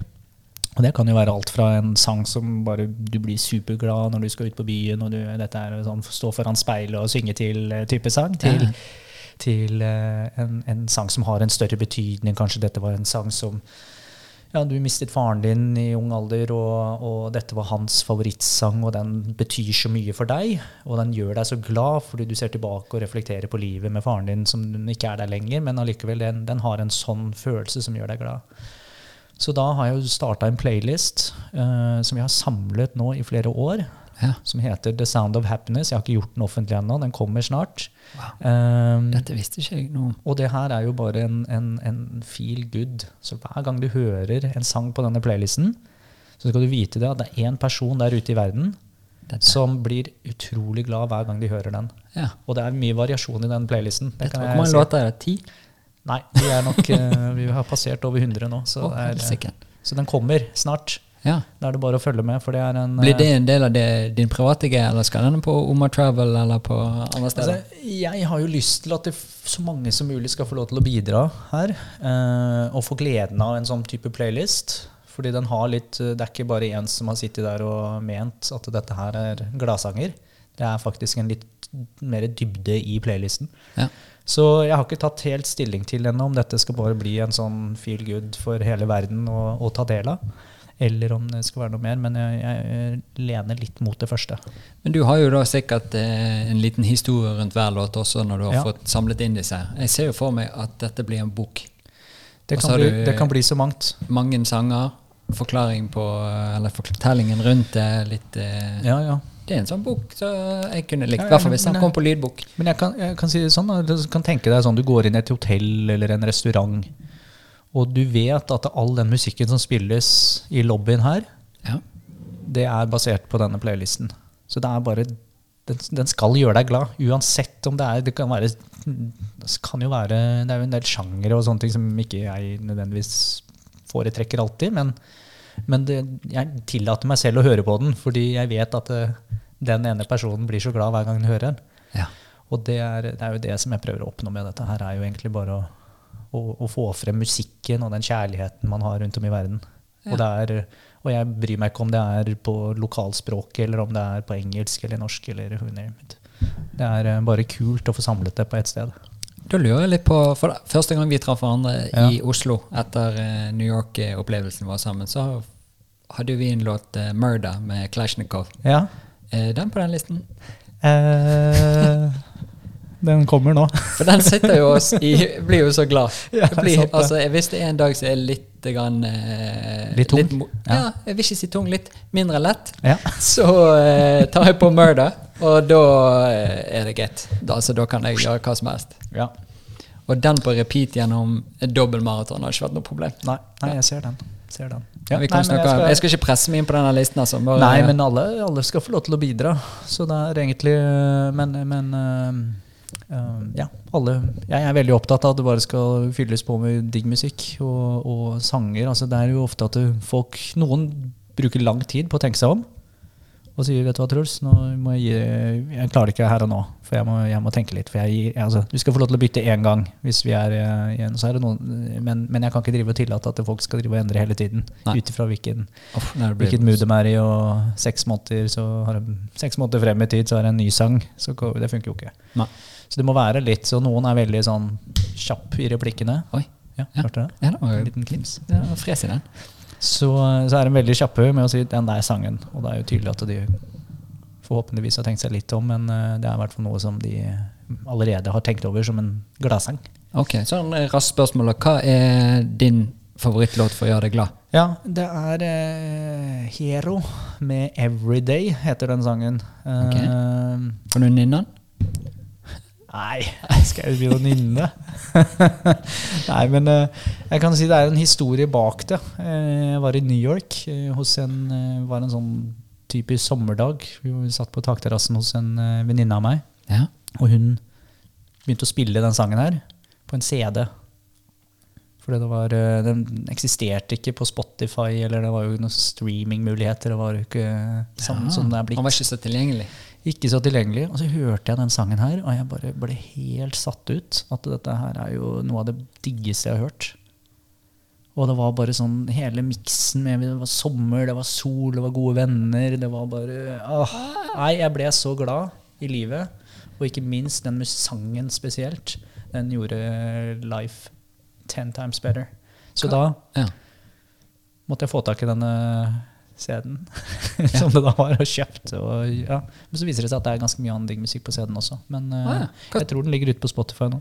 Ah, digg. Hva, vet, du hva eh, spornummer det er på CD-en? Første. Er det det? Så de bare klinte til med første? Rett Ja, på. skal skapes da. Ja. Nei, altså det var eh, Det er min, eh, min uh, happy song. Den skal jeg høre på. Men jeg kunne sikkert ha masse andre sanger òg. Jo da, men det var vel den som kom først opp, og det er den som teller. Ja. Ja. Men eh, ok, dette er gøy, for det at, eh, jeg tenker helt inn tilbake til de her uh, paljettgøye pointy bootsene som du Ja. hadde i, eh, i eh, New York. Og eh, jeg føler jo dette er en del av eh, essensen og følelsene som ligger litt bak eh, hele Oma Travel Ja. og den eh, vibben der, dette med å oppleve litt spesielle ting. Kan jeg spørre om å få den historien? ja. Kan jeg trykke på Nå kommer det en historie'-knappen? Gjør det, du. Helt feil knapp. Her kommer den. Ok, ok, ok. Mic check, mic check. Ok, Du, Pointy ja, Boots, hva jo, faen er det for noe? Uh, vår gode venn Anton Ja? uh, han sendte meg en YouTube-klipp. Uh, dette var tilbake i 2011 eller noe sånt. tror jeg det var. Hvor det viser seg at det eksisterer noen helt crazy meksikanske pointy boots i en liten by i, som heter Matuala, som ligger timer eh, nord med fly fra, fra Mexico City. Bare Oi. sånn nowhere land. Og det virker jo som dette bare var en joke, for dette er jo vanlige sånne, sånne eh, cowboyboots. Men de har customized dem sånn at de får sånn lenger eh, Altså tuppen, tuppen blir lengre, og den kan bli så voldsom til slutt at du kan stå og holde dem, og, dan og så er det da dansing, og det er sånn Det er litt sånn overdrevet Aladdin-skotupp. Det kan du si. Men med en meksikansk vri. Og så er det Men, det, men det, er, det er en kultur, da. Det er noe som er mye mer enn bare akkurat disse bootsa. Og det er eh, noe jeg ok, stussa litt over. Syns dette var litt spennende. Jeg hadde aldri vært i Mexico. Og så sitter jeg på Hadde nettopp ferdig med jobb i Dallas. Og, og, og bestemte meg enten kan jeg dra tilbake til New York den helgen her, eller vet du hva, jeg tar og setter meg på fly til Mexico. Eh, veldig spontant for å finne ut av eksisterer disse skoene i dag. Er det, er det bare joke alt sammen, eller er det noe, noe Er det realness ekte? med det? Men Var det bare skoene, eller var det noe musikk, spesiell musikk knyttet til de skoene? Ja, så, som du sier det er, det er ikke bare skoene, det er, hele, det er hele kulturen. Altså, du har, det er jo tribal musikk. Altså, det er jo Nei, det, er, det var bare noe som sjokka helt når jeg leste om det, og, og satte meg litt inn i det. Men er det bare oppspinn, alt dette her? Ja. Dette må vi finne ut av. Rett ned til, eh, fra Dallas inn til en by som heter San Luis Potosi. Uh, kom dit sent på kvelden, fredag kveld. Eh, Måtte ta en natt der. Uh, dro ut og spiste litt popkorn på, en, på en liten bar. Fikk, plutselig så dukka det opp litt mikrofoner og en Lucha Libre-masker, og det var mer popkorn, og det fløy i alle, alle kriker og kroker. Det var kjempestemning. Det var min introduksjon til mariachi-musikk. Altså jeg jo, ble helt gæren og tenkte dette her var jo det, det råeste jeg har vært med på nå. Jeg er jo ikke i riktig by engang. Jeg har ikke sjekka disse bootsa. Sto på gata der med min egen mariachi-band, og de spilte og de koste seg. Og det var bare sånn Dette her må jeg altså Det var bare helt fantastisk første kveld. Ja. Masse tequila og cerveza, som det heter. og sånne ting. Og så våkner opp litt sånn god i farta fortsatt. Uh, Tørr i munnen etter all popkorn. det var veldig salty, husker jeg. Nei, så ble det altså jeg bare, Nei, jeg kan, jeg kan ikke. Det var så kult i går. Men Ja. jeg må komme meg til denne byen. Jeg er fortsatt to timer å kjøre fra, fra der jeg var. Kjører oppover, stopper litt på Leiebil, eller? Ja, jeg ordna meg en liten leiebil. da. Ja, okay. En liten cruiser oppover i, i kartellområdene der oppe. Og så kom da etter hvert til byen eh, Matehuala, som ligger i San Luis Potosi-regionen i Ja. Mexico. Og da er jo, og jeg snakker jo nada spansk. Altså, jeg, jeg, jeg kan ikke noe spansk. Ikke uno, dos, tres. Y, si, si, señorita. Ja. Ja, vi er der. Ja.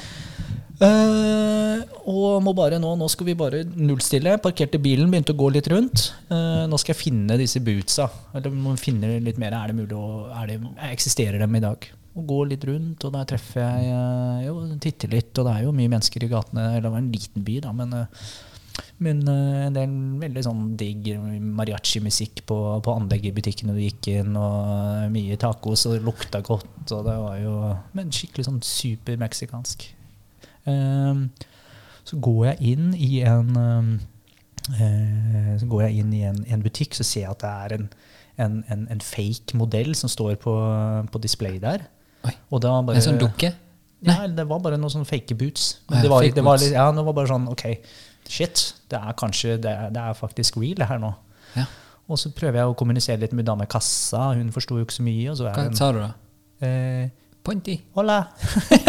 Hola, senorita. Nei, eh, men det kom da en jente Ja. som snakket eh, litt engelsk. Bitte lite grann. Hun eh, skjønte jo hva jeg var ute etter, så hun bare 'bli med meg', bli med meg, sier hun. Og Ja. så, og så går vi litt rundt hjørnet inn til da en, en, en, en skobutikk. ja. Og der står Skoringen, faktisk. Ja, det var, nei, det var lille, lille sko. Lille vinkel. Lille vinkel. Mexican style. Ja. Nei, så kommer jeg rundt hjørnet der, og så ser jeg Fader meg, der, ligger, der står det et par til salgs. Oi. Eh, nydelige rosa med bra pointy, sparkles. Det er liksom hallelujastemning. Der var dem. Kjøper dem. Din størrelse? De ja, det var siste paret. Uh, passa utmerket bare rett inn, og da var vi jo i gang. Dette her var jo Da hadde jo Shit, dette eksisterer jo. Dette er jo dritkult. Fikk tatt noen bilder, fikk hun jenta til å hjelpe meg litt der. Ja. Og øh, det ble en veldig god, øh, god dialog da, mellom meg og henne. Hvorav øh, nå, nå var jo alt dette med den meksikanske bootsa det var the real shit. Vi er lørdag, nå skal det feires, nå må vi finne på noe sprell. Så, så inviterer hun og sier hun til meg at øh, vet du hva, kan, øh, du kan bli med, det er, det er sånn rodeo i kveld. Eh, sånn meksikansk rodeo, der må jo du være med. Og jeg ja, ja, ja, klart det. Jeg har jo ikke noe annet å finne på. Jeg er jo bare keen på å ha det litt moro. Jeg er Sier vi ja, så skjer det gøye ting. ikke sant. Det var det vi snakka om tidligere. Nei, så, så det som skjer, er at eh, jeg sitter da og, og venter og venter og venter. For det er jo, jeg blir fortalt klokka fem, så måtte jeg være klar i lobbyen. Ja, det er den type type Men det er Mex Mex Mex Mexican time, så plutselig var vel klokka nærmere syv, tror jeg. Ja. Da dukker uh, en bil opp, plukker meg opp. Der sitter mor, kjører oss, meg og hun jenta, til Fantastisk. rodeoen. En sånn liten arena. Ja. Og der blir det jo fullt ståhei med og det er mye mennesker. Eh, en del av venninnene hennes dukker opp, for nå er det jo en gringo i byen, og dette her var jo litt stort. Eh, og de kommer jo én etter én med reguleringer. Oi, sånn, tannregulering. Oi, tannregulering, ja. Og jeg tenkte litt sånn oh, oh. Nå må jeg være kanskje litt sånn uh, hvor, Nå må jeg være litt forsiktig. 29 år gammel, eller hva jeg var på det, på det tidspunktet der. Og tenkte, men, men de var jo så hyggelige, og så viser det seg etter hvert at uh, det var ganske naturlig i Mexico, i hvert fall den delen her, da, at man er godt i 20-årene før man har, uh, før man har regis. Ja. Så vi rigger oss til helt foran, sånn VIP. Jentene hadde ordna litt for meg. Så vi sitter der på sånne plastikkstoler, og oksene kommer ut én etter én, og kast, folk kastes av ryggen, og det er jo en klovn som går rundt. og med nese og skaper litt sånn hype. og er, Hvis du aldri har vært på en rodeo, så er jo dette her kjempemorsomt. Men hva har du på? Har du på deg bootsene? Nei, så jeg fikk klar, fikk klar beskjed at bootsa de får ikke lov til å være på. De kan ikke være på, på, Det er bare de små kidsa som får lov til å løpe rundt. Og det tror jeg så én, én som hadde, men greit nok. Det var eh, ikke noe boots på rodeoen. Nei. Greit nok. Vi sitter der, og så er det, så er det halftime show, og så kommer han klovnen. For nå er det halftime show, og han tar en mikrofon opp til meg og bare. Jeg bare si Fordi jeg visste jo ikke helt hva, hva Nei, Da sier vi ja. Sier vi ja. Og så sier han sånn eh, Sier han noe nytt nå? Spør hvor det er fra, da, tydeligvis. Så jeg bare you have to, uh, He's asking where you're from. Og jeg bare uh, Norwega. Det blir helt kaosstemning inne på, på Rodeon der. Ja. Og bare 'du blir med opp, nå skal vi ha, nå skal vi ha deg med på halftime show'. Yes. Um, og det var meg, og det var dance-off, og det var shirts off, og det var partymusikk. Oh. Uh, ender opp med å vinne en uh, sixpack med cerveza, Oi. som jeg får kose meg med. Blir jo stjernen i hele byen. Takket, takket være Klovn. klovnen sjøl som sto der og, og styrta øl etter midt i scenen. Masse bilder, og det var jo det var god stemning. Uh, så skal vi dra fra Rodeon, for da må vi jo feire, feire litt mer. Og da får jeg beskjed nå kan du gå hjem og skifte, få på deg bootsa. Du skal ha på gjerne litt sånne trange bukser. Skjorte, liten cowboyhatt eller sobrero. Ja. Og så øh, plukker vi opp, og så stikker vi på party på sånn låvefest. Som, øh, det er ett sted i hele byen som det tydeligvis skjer litt av. Det er litt sånn, ja, en låve som er gjort om til et, et festlokale. Hvor stor er denne byen egentlig? Hvor mange som bor? Vet du det? Det er jo Altså Er det 500 000, eller er det Nei. 10 000? Jeg tror det er nærmere 10 000. Ja. Men det var nok til at uh, alle fikk med seg hvem, hvem som var i byen. Oh yes. Og så um, drar vi, får på bootsa, alt er sånn på stell. Vi reiser bort til låven. Og nå bare tenker jeg ok, shit, nå, nå skjer det. Nå er det liksom, nå, nå, nå topper alt seg i forhold til dette med boots. Nå får jeg liksom skikkelig innblikk i hele kulturen. Alle kommer til å ha på seg bootsene. Og dette blir jo bare den riktige musikken. Nå skal jeg lære. Og tra trapper inn, nesten jeg falt idet jeg går inn, for de er litt vanskelig å gå med. De hekter seg litt. De er ganske voldsomme. Og dine typer er vel litt over knærne? De er litt sånn ja, knestørrelse omtrent. Ja. Så du har litt variasjon her. Du har noen som er, liksom, du kan holde i, og så har du de som er eh, litt mindre, men også veldig, skal være litt fargerike og paljetter og Ja. shine litt. Da. Går inn der og bare blir møtt av masse mennesker, men ingen pointy boots. For det viser seg at det, det der var fashion året før. så jeg kom et år for seint. Men eh, uansett, nå er jeg her. Det er boots som gjelder for min del. Jeg driter i om dette var da fashion i fjor. eh, den, og folk så litt sånn rart på meg. Hva er det? Ok, For det første har vi en gringo i byen. Han har på seg noen boots som ingen andre har. last year. So last year. Følger han ikke med i tiden? Ja. Eh, det endte jo med at eh, det ble bare en kjempefest det der om masse mennesker. Alle elska alle, og det var bare Nei, det var så kult. Kjempevibe. Jeg dro derfra, har fått så mye nye venner. Ja. Og nye muligheter. Jeg kan ikke vente med å dra tilbake. Og da skal jeg Og planen er jo nå å få med seg en lite knipe med folk som har lyst til å være med og oppleve dette her. Kan dette da være en av de første turene med Omar Travels? Det er helt Travel. klart ja, Det er helt klart at det her kan være en av dem. Eh, og da vil jo det naturlig nok være en, en, en gjenskapelse av den opplevelsen der. Ja. Eh, så mye som det lar seg, lar seg gjøre. Nå er jo dette en del år siden, men eh, det er jo helt klart at man eh, blir med på en tur nå, så kan jeg garantere for at du får dine egne customized pointy boots i Mexico. Får du henge med en gjeng med folk med reggis? det skal du helt sikkert få lov til òg. Ja, Men du får møtt en del av disse folka som var med og, og skapte dette øyeblikket for min del. For Ja. det er det Oma Travel handler om. Det er, det er disse øyeblikkene som jeg har hatt så gleden av å oppleve. De flotte menneskene og den kulturen som jeg fikk oppleve.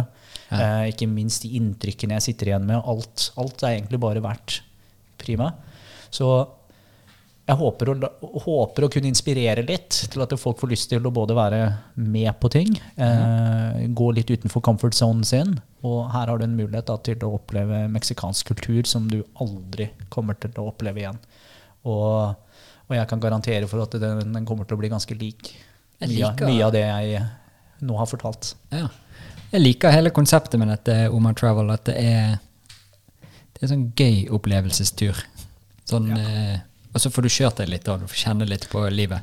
Det er eh, det er det det er, vet du. Ja. Helt klart. Å, fytti grisen. Så det er muligheter. Jeg har ikke bestemt helt når det blir, men, eh, men vi har både jeg har, jeg har fått tilbudt både brukte og nye boots. Ja, For den som ønsker å spare noen kroner, så er det lov å kjøpe brukte boots, nydelig. som koster 200 kroner. Men er det inn igjen nå, eller er det fortsatt ut? Det Nei, jeg, jeg sånn- prøver å skape den hypen igjen. Ja, men Så- eh, han er egentlig gitt Den seg er, den hypen. den, var, den er gammel. Men, vi har, ja. Ja. men du liker jo å ta de på i ny og ne. Jeg har jo fått testet de, og de er jo eh, frekke.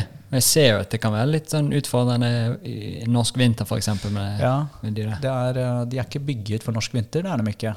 Men at de funker som en altså Det er nesten sånn du kan droppe sparken. For du kan bare holde i tuppene der, så har du på en måte en, en spark på, på norsk vinterføre. Jeg tenker jo det at eh, jeg skal prøve å være flink og legge ut et bilde av deg med disse pointy bootsene på. Ja. Er det noen link vi kan legge med sammen med, med Oma Travel og Oma Travel uh, Official? eh, Ja, og så får vi et sånn YouTube-klipp av den YouTube-klippet du så når du ble inspirert? Det kan vi også legge til. Sånn at vi får bare virkelig kan kjenne den hvordan entusiasmen bare Ja, går helt bananas. for det er helt, det er helt rått. Og, og Men musikken er jo ganske Altså, den er på. Den uh, er slitsom i lengden, men uh, med rette innstilling så blir det bra. Det er kanskje ikke ja, Jeg finner sikkert noen som putter den på den The Sound of Happiness òg. Det er noen som blir sikkert kjempeglad hver gang de hører Erik Rikon med noe sånn tribalmusikk. Helt gale, Mathias. Ja. Nei, Så så det er, uh, nei, jeg håper å få til en tur snart. Ja. Så det er, det er vel det som kanskje blir den første turen, som sagt. Ja. Når ting åpner seg litt mer. Ja, det er vel det alle sitter og drømmer om, å få lov å titte litt i, rundt nå, i verden igjen. og Og kanskje folk setter ja. mer pris på det òg nå. Ikke sant? For det, at, eh, nå er det jo en luksusgreie å kunne få reise. Hvis du får tillegg for eh, Oma Travel eh, så blir det jo helt ellevilt. Ikke sant? Jeg tror det er helt, eh, helt, helt riktig. Ja. Det blir bra. Ja, Så digg. Mm. Er det noen andre gøye ting du har eh, på, Mm. på fattet ditt for tiden? Nja, hva skulle det vært, da? Prøver å, jeg, jeg liker jo litt sånne månedlige challenges, eller gjøre ting som som er litt groundbreaking på mange måter. Ja. eller, eller noe som kan altså, eh, Hva skal jeg si Noe som både kan lære meg noe nytt, tenker jeg. Jeg tror det er en sånn tøff tid som nå, hvor det er eh, begrensninger på hva vi kan gjøre Én ting er det å bruke litt tid på å lære seg ting man ikke kan, Ja. eller, eh, eller utforske ting som man har lyst til å bli bedre på. Eh, For meg så har det betydd at eh, jeg liker å sette litt sånne månedlige challenges. Og det har jo vært alt fra sånn 100 pushups, 100 situps i en måned. Jeg var veganer en måned. Jeg kjørte en carnivore-diett. Så jeg løp fem kilometer hver eneste dag. Jeg har vært inne på tanken om å leve et A4-liv i en måned. Eh, Jeg har vært inne på tanken om å leve som pappa Jeg har jo ikke noen unger, men å leve som pappa en måned, hvor jeg skal passe, passe unger. Levende unger, eller med Nei, levende unger. Ja.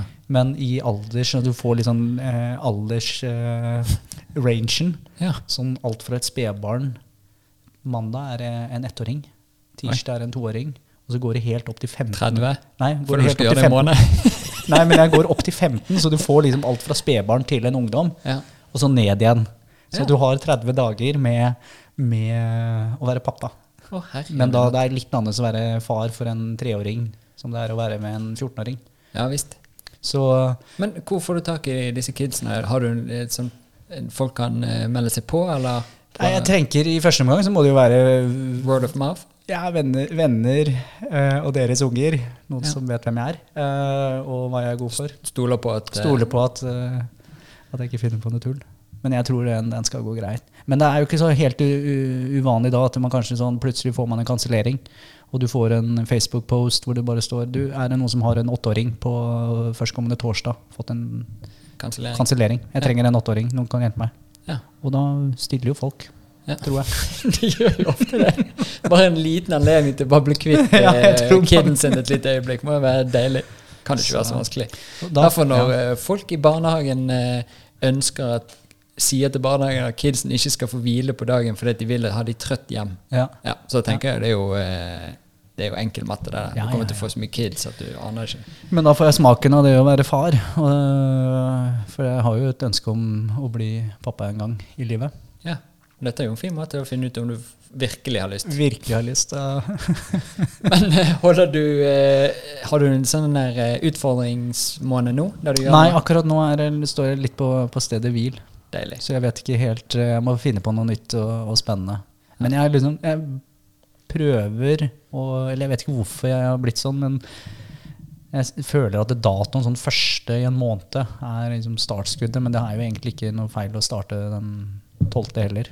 Bare la det gå. Men jeg tror det er litt viktig at man gir det litt tid. da, Å drive og, og leve som keto-diett som det du gjør, og bare gjør det en, en uke. Det har jo ikke noe Nei. har jo ikke noe påvirkning i det hele tatt på samme måte som det ville hatt hvis du, hvis du gir det litt mer tid. Så du må ha litt grunnlag, og grunn til at jeg levde som veganer en måned, og det samme som med carnivore, da, og bare spise kjøtt en måned, har jo litt med at jeg, må, jeg har lyst til å sette meg litt inn i det og, og føle og ta og kunne ha da en diskusjon med noen som er veldig opptatt av veganisme, eller dette med å bare spise kjøtt, eller å bare sette seg såpass dypt inn i det at eh, jeg har en forståelse av både utfordringer og, både, ja, utfordringer og hva fordelene er med å, med å, å være veganer, da, eksempel. Ja, Det er en superfin måte å bare få litt innblikk i Ja. forskjellige ting også. Og igjen, at du går litt ut av det som egentlig Det er jo ikke bare bare å plutselig endre på noe og plutselig gå fra ingen kids til en ny kid hver eneste dag. Ikke sant. altså, Og så er det kanskje sånn hvis du ønsker å adoptere unger, Ja. så vet du da litt hvor gammel skal ungen være før du prøver å bli litt komfortabel med det. hva alder tror du er best? Uff. Eh, altså du har jo sånne øyeblikk som veldig liten, hvor de er håndterbare, vil jeg si. Ja. Og så kommer den der tøffe perioden. Ja. Hva så- skjer da? I tøffe Nei, da er de litt sånn, de skal hele tiden prøve å jeg har jo både Teste deg litt? Ja, teste litt. Jeg har jo en nevø og niese som, som er i den, den, eh, den eh, timespanen der nå, eller ja. aldersgruppen. Og det er, det er jo kjempeflott å ha dem rundt seg, og, jeg elsker dem på, på hele jord, men eh, det kan også være litt utfordringer noen ganger. Ja. Eh, så hvis man, og, og så er det jo den der når du kommer litt opp, eh, altså passert kanskje 10-11 år og sånne ting, da, kan de sitte barnevakt for de små, og de hører litt etter, og Ja. forhåpentligvis. Nei, jeg vet ikke, jeg har ikke så mye erfaring med unger, jeg, men Ja, men jeg gleder meg enormt til det, og spesielt høre referat. Jeg kommer til å høre noe underveis, regner jeg med. ja. Helvete, Trond, nå har jeg noe greier her. Men eh, bare for referatet fra hvordan endte dette, og hva, Ja. hva du gjør deg opp meningen med sammendraget av denne deilige målen? Ja, nei, vi får se hvordan den, eh, den blir etter hvert. Um, ja. Det er vel det som er kanskje det Ja, Jeg må finne på et eller annet, fordi det er litt sånn å fylle tiden sin, og jeg føler vi har ganske mye tid til overs om dagen. Så da kan man gjøre ting som er litt, eh, litt utfordrende og litt spennende på, på mange måter. Ja. Så Jeg setter jo enormt stor pris på, det, på at du er på besøk. og Det er jo alltid gøy. Ja, ja. Enten det er mikrofoner her eller ikke, så er det alltid noe eh, fanteri vi klarer å snakke om. klart det. Og eh, gleder meg helt vanvittig til denne Oma Travel-greien skal få lov å settes i gang. Ja. Så det vi skal gjøre, er det at eh, vi legger vi linker til eh, alle stedene vi kan se gøye ting. Mm. Og spesielt eh, YouTube-greiene med Pointy Boots. Det, Det er kanskje det det. viktigste. ja. Og La deg inspirere. Jeg tror det er det. altså Forhåpentligvis eh, så har det lille jeg kunne fortalt om, om mine opplevelser i Mexico og litt andre ting som jeg involverer meg i, eh, kan være nok til å inspirere folk til å ta og våge seg litt ut på, på noe nytt nå. Og, og våge seg litt utenfor den comfort zone som vi har snakket om. ja. Og det er eh, Kanskje jeg kan være med og bidra litt der. Er det sånn at eh, vi kan kanskje se for oss at du kommer tilbake og forteller en annen historie fra steder Mm. du har vært? Klart det. Gøy eh, ting sitter som har skjedd? Sitter med et par historier oppi ermene. Ja, ja, ja, det vet jo vi. Men ja, tusen takk, Truls. Det var dødshyggelig å ha deg her. Super nice. Takk for at jeg fikk lov til å komme. Det var veldig kjekt. Baltog orket ikke være med. Han pleier å sitte her på puffen i hvert fall en gang i løpet av den, men han er helt utkjørt, han. Ja. Han ble like sliten av disse historiefortellingene som andre. Du, tusen takk. Her er en fet outro. Yes.